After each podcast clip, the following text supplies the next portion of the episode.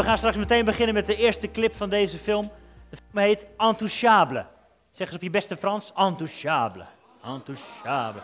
Het betekent zoiets als de onaanraakbare. Het is een Franse film, Nederlands ondertiteld gelukkig. Gebaseerd op een waar gebeurd verhaal. Dus ik ga er niet te veel over vertellen. We gaan meteen beginnen met de eerste clip.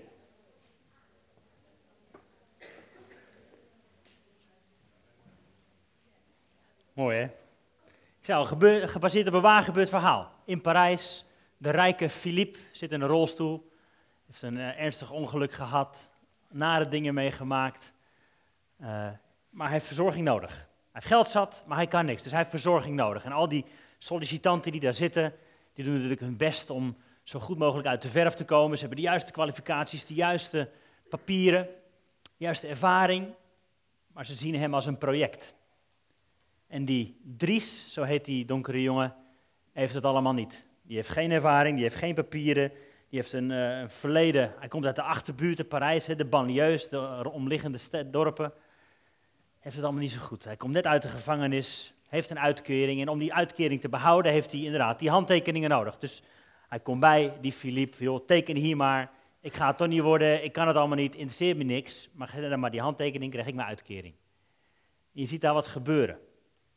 Deze Dries ziet geen project, maar die ziet een persoon. Wel interessant om dat straks verder te zien hoe dat verder gaat. Maar we gaan wat lezen uit Matthäus 4, want daar zie je eigenlijk hetzelfde gebeuren. Iemand die totaal ongekwalificeerd is, die eigenlijk er helemaal niet klaar voor is. En toch heeft Jezus juist die personen op het oog. In Matthäus 4 lezen we dat.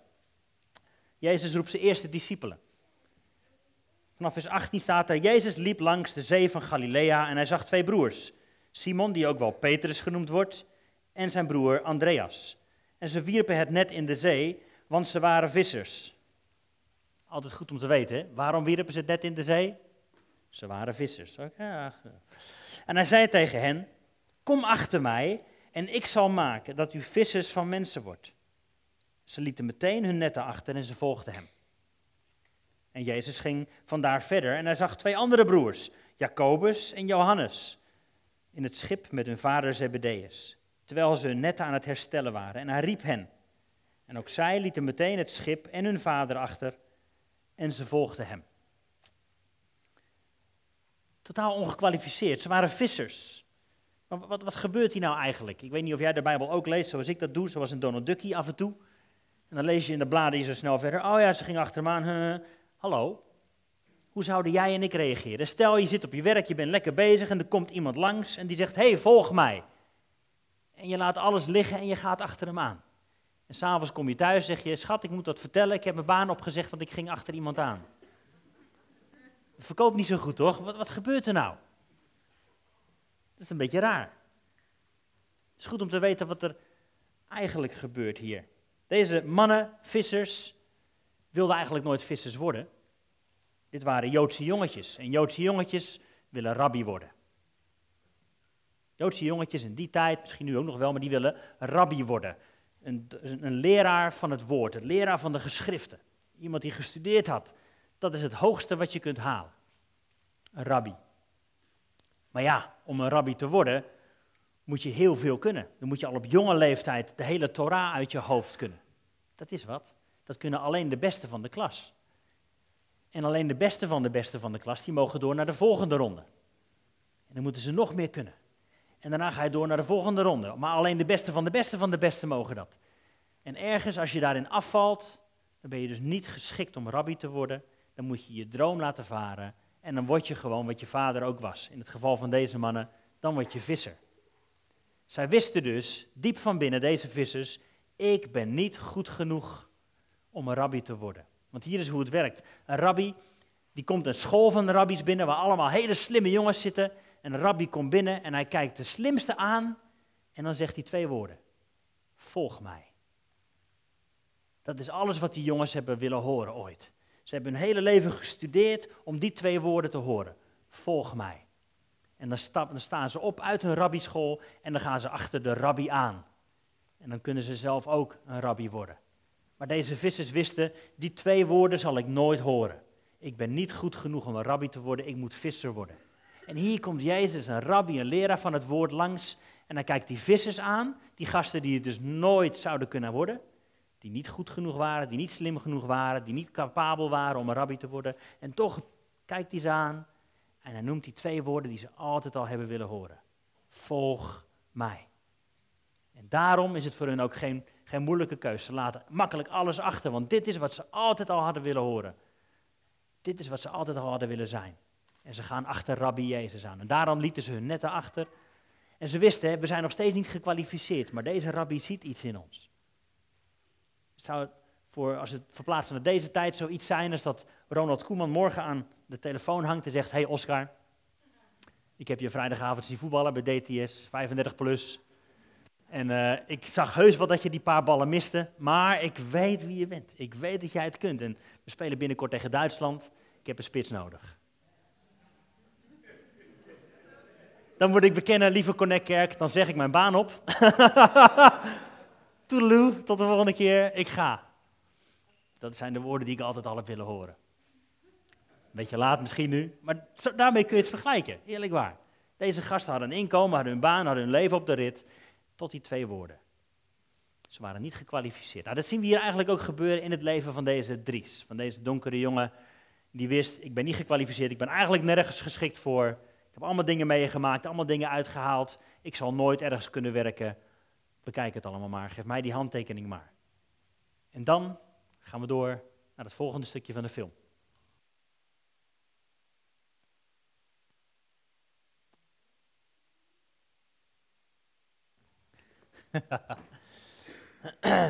hij wordt aangenomen. Tot zijn eigen verbazing heeft hij in één keer een baan. hij mag binnenkomen, hij mag daar wonen zelfs, hij krijgt zijn eigen kamer, zijn eigen vertrekken. En hij wordt aangenomen, hij heeft werk. En dan gebeurt er een proces van verandering. In de, in de loop van de film zie je dat, dat Drie steeds meer begint te veranderen. Hij moet dingen leren, hij moet leren kousen aantrekken. En, en er gebeurt van alles in die relatie, ze zien elkaar. En ergens in dat proces zie je dat Dries eigenlijk, eigenlijk steeds meer zichzelf wordt. Steeds meer zichzelf. Hij heeft in de loop van zijn leven allemaal dingen geleerd. Hè? Allemaal dingen gedaan die niet goed waren, allemaal dingen meegemaakt die moeilijk waren. Maar in deze omgeving, in deze relatie, zie je dat hij dingen afleert en dat hij dingen aanleert en dat het een proces is. Geldt ook voor die discipelen waar we net over lazen. Ze waren nog niet af, hè? Het waren nog steeds vissers, het waren nog steeds ruwe bolsters, nog steeds lompe gasten. Maar in die relatie met Jezus zie je dat je stapje voor stapje veranderen. We lazen net over Johannes en Jacobus. Later worden ze zonen des donders genoemd. Die, de, die vuur uit de hemel uit willen roepen over mensen die niet luisteren. Maar later wordt Johannes de apostel van de liefde genoemd. Ergens in die, in die relatie, in die wandel met Jezus is er een proces van zijn hart veranderd. Van iemand die vuur uitroept naar iemand die liefde uitdeelt. Dat is een proces. En dat ken je waarschijnlijk ook in je eigen leven. Ik weet niet, als je, als je getrouwd bent, weet je ook dat je door een proces heen gaat. Ik weet nog voordat ik ging trouwen dat ik dacht, nou, ik zit aardig goed in elkaar. Ik ben best vriendelijk, ik ben best aardig, ik kan best met mensen omgaan. En dan ga je trouwen en dan denk je, oeps. Dan krijg je kinderen en dan denk je, oh nee, help, je haalt het slechtste in je naar boven, nietwaar? Maar ook het beste soms hoor. Maar het is een proces, er is een proces van verandering wat je meemaakt. En wat er in het leven van Dries gebeurt is, maskers gaan af. Hij dacht zelf dat hij nou eenmaal zo was dachten die discipelen ook. We zijn vissers, we blijven vissers, dit is alles wat er is. En dat geldt misschien ook voor jou toen je Jezus leerde kennen. Dat je dacht, nou, dit is wat er is. Maar Jezus neemt je mee door een veranderingsproces. Het is nooit zo dat je in één keer klaar bent. Dat je één keer je hand opsteekt en ja zegt tegen Jezus en je bent helemaal nieuw. Nee, het is een proces. Dag aan dag is er een proces van verandering, waardoor je steeds meer wordt zoals je eigenlijk echt bedoeld bent. Zodat je tevoorschijn komt. En dat is altijd al het hart van God geweest. Hè? Weet je nog dat verhaal van Adam en Eva? Dat ze hadden gezondigd. Dat God door de tuin wandelt en roept: Adam, waar ben je? En dan hoop ik dat je hem kunt horen zonder beschuldiging. Maar met het verlangen van God de Vader die zegt: Hé, hey, waar ben je nou? Ik ben je kwijt. Laat me je gezicht weer zien. Dat is altijd al het hart van God geweest. Dat is ook wat Jezus deed in het leven van de discipelen. Dat hij ze steeds meer tevoorschijn liet komen. Dat wil hij ook in jouw leven doen. Als je hem volgt en verandert. dat, is, dat is het hele idee. Hier lezen we dat, onze, onze jaartekst. Mijn vader wordt verheerlijkt als je veel vrucht draagt. Dat is Gods verlangen voor jou. Dat je vrucht draagt. Dat je een vruchtbaar leven hebt. Dat je liefde, blijdschap, vrede, goedheid, dat soort vruchten, dat het tevoorschijn komt in je leven. Dat is wat jij en ik ook willen, toch? Dat we veel vrucht dragen. Maar dat kan alleen in die relatie met Hem.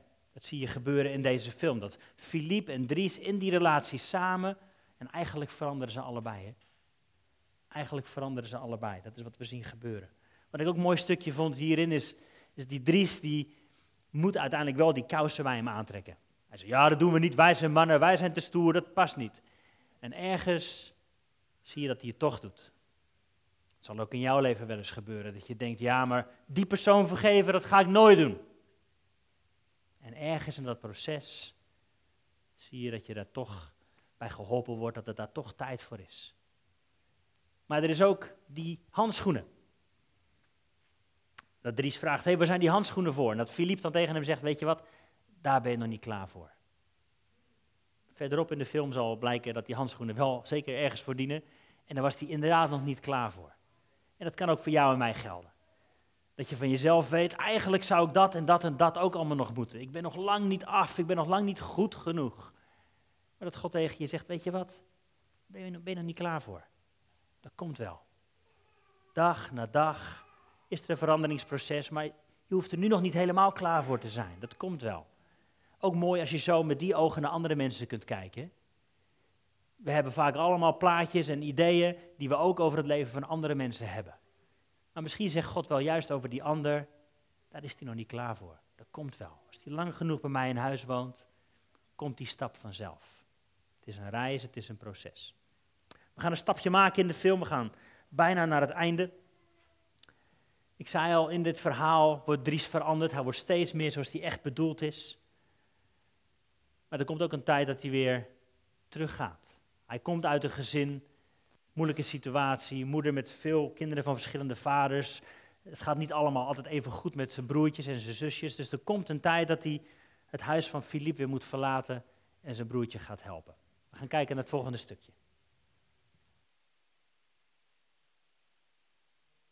het laatste stukje van de film. waarin een heleboel gebeurd is tussendoor. Maar Dries is weer teruggekomen bij Filip. En al een hele poos had deze Filip briefcontact met een vrouw. Maar hij, hij, durfde niet op een of andere manier haar te ontmoeten. Wat zal ze wel niet van mij denken? Ik zit in een rolstoel, ik kan helemaal niks meer.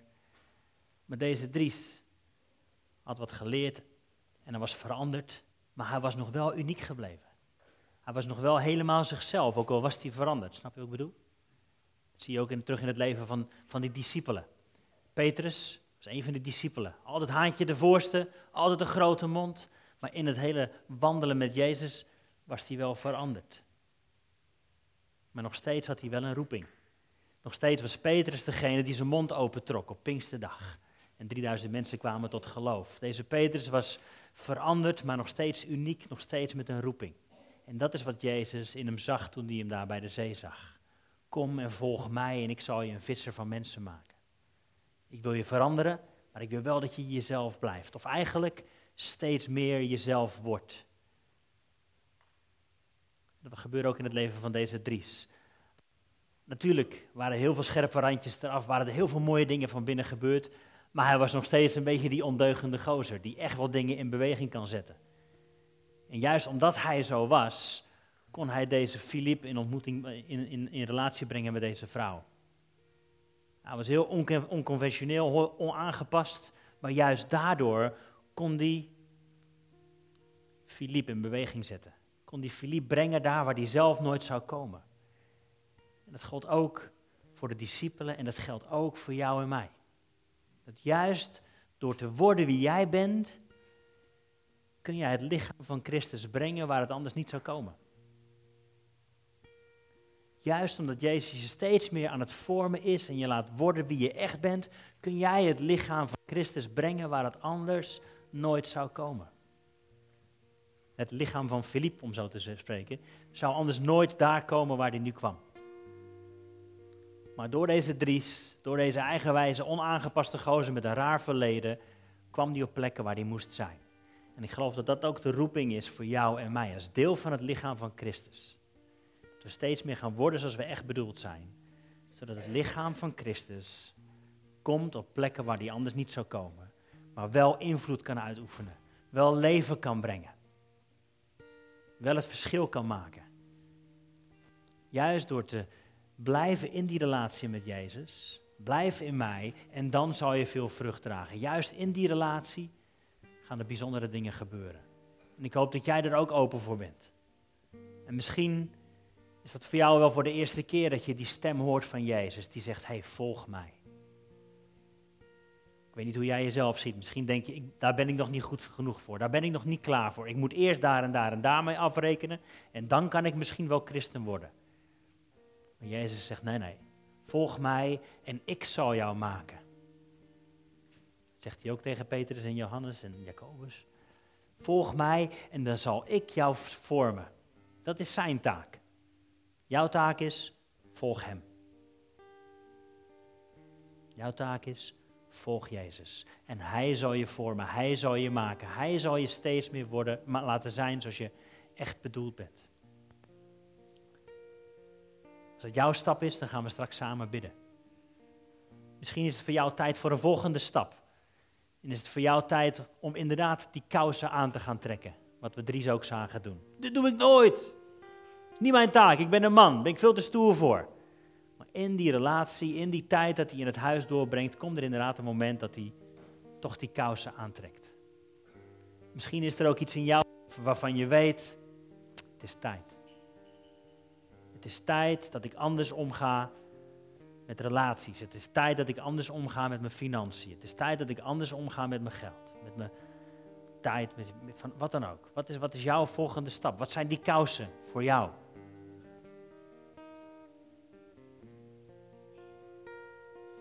Wat is jouw volgende stap? Wat mag Jezus bij jou aanpakken? Misschien is het wel jouw stap om te zeggen: Weet je wat, het is tijd dat ik weer die wereld inga en het lichaam van Christus ga brengen waar het anders niet zou komen.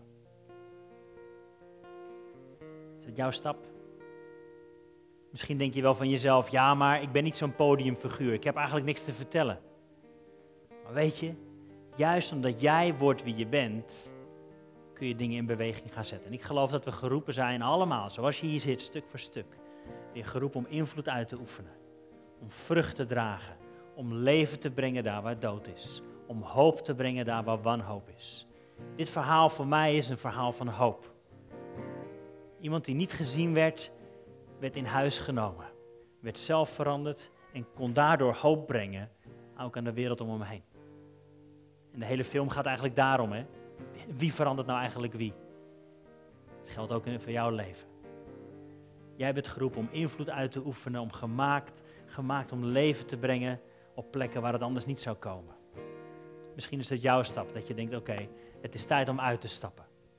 Dus waar je ook bent in dit proces, en we gaan er straks samen voor bidden, waar je ook bent in dit proces, of dat nou voor de eerste keer is dat je zegt, ja Jezus, ik, ik wil u volgen, waar Jona het over had, ik wil u vertrouwen, ook al snap ik het allemaal nog niet, ook al kan ik het allemaal nog niet, maar ik wil u vertrouwen, dan is dat jouw eerste stap.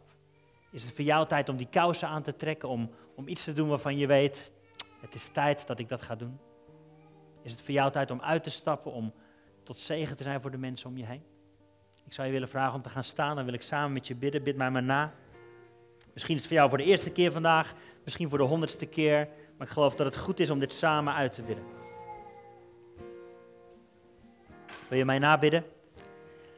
Heer Jezus, dank u wel dat u goed bent en dat u mij kent. Dat u mij gemaakt heeft en dat u een plan met mijn leven hebt. En ik wil ja zeggen tegen uw plan. Ik wil ja zeggen tegen vrucht dragen. Ik wil ja zeggen tegen een relatie met u. Wilt u mij helpen om de volgende stap te zetten? Wilt u me laten zien waar ik mee kan beginnen? Wilt u me laten zien waar ik mee kan stoppen? Wilt u mij helpen om te worden zoals u me echt bedoeld heeft?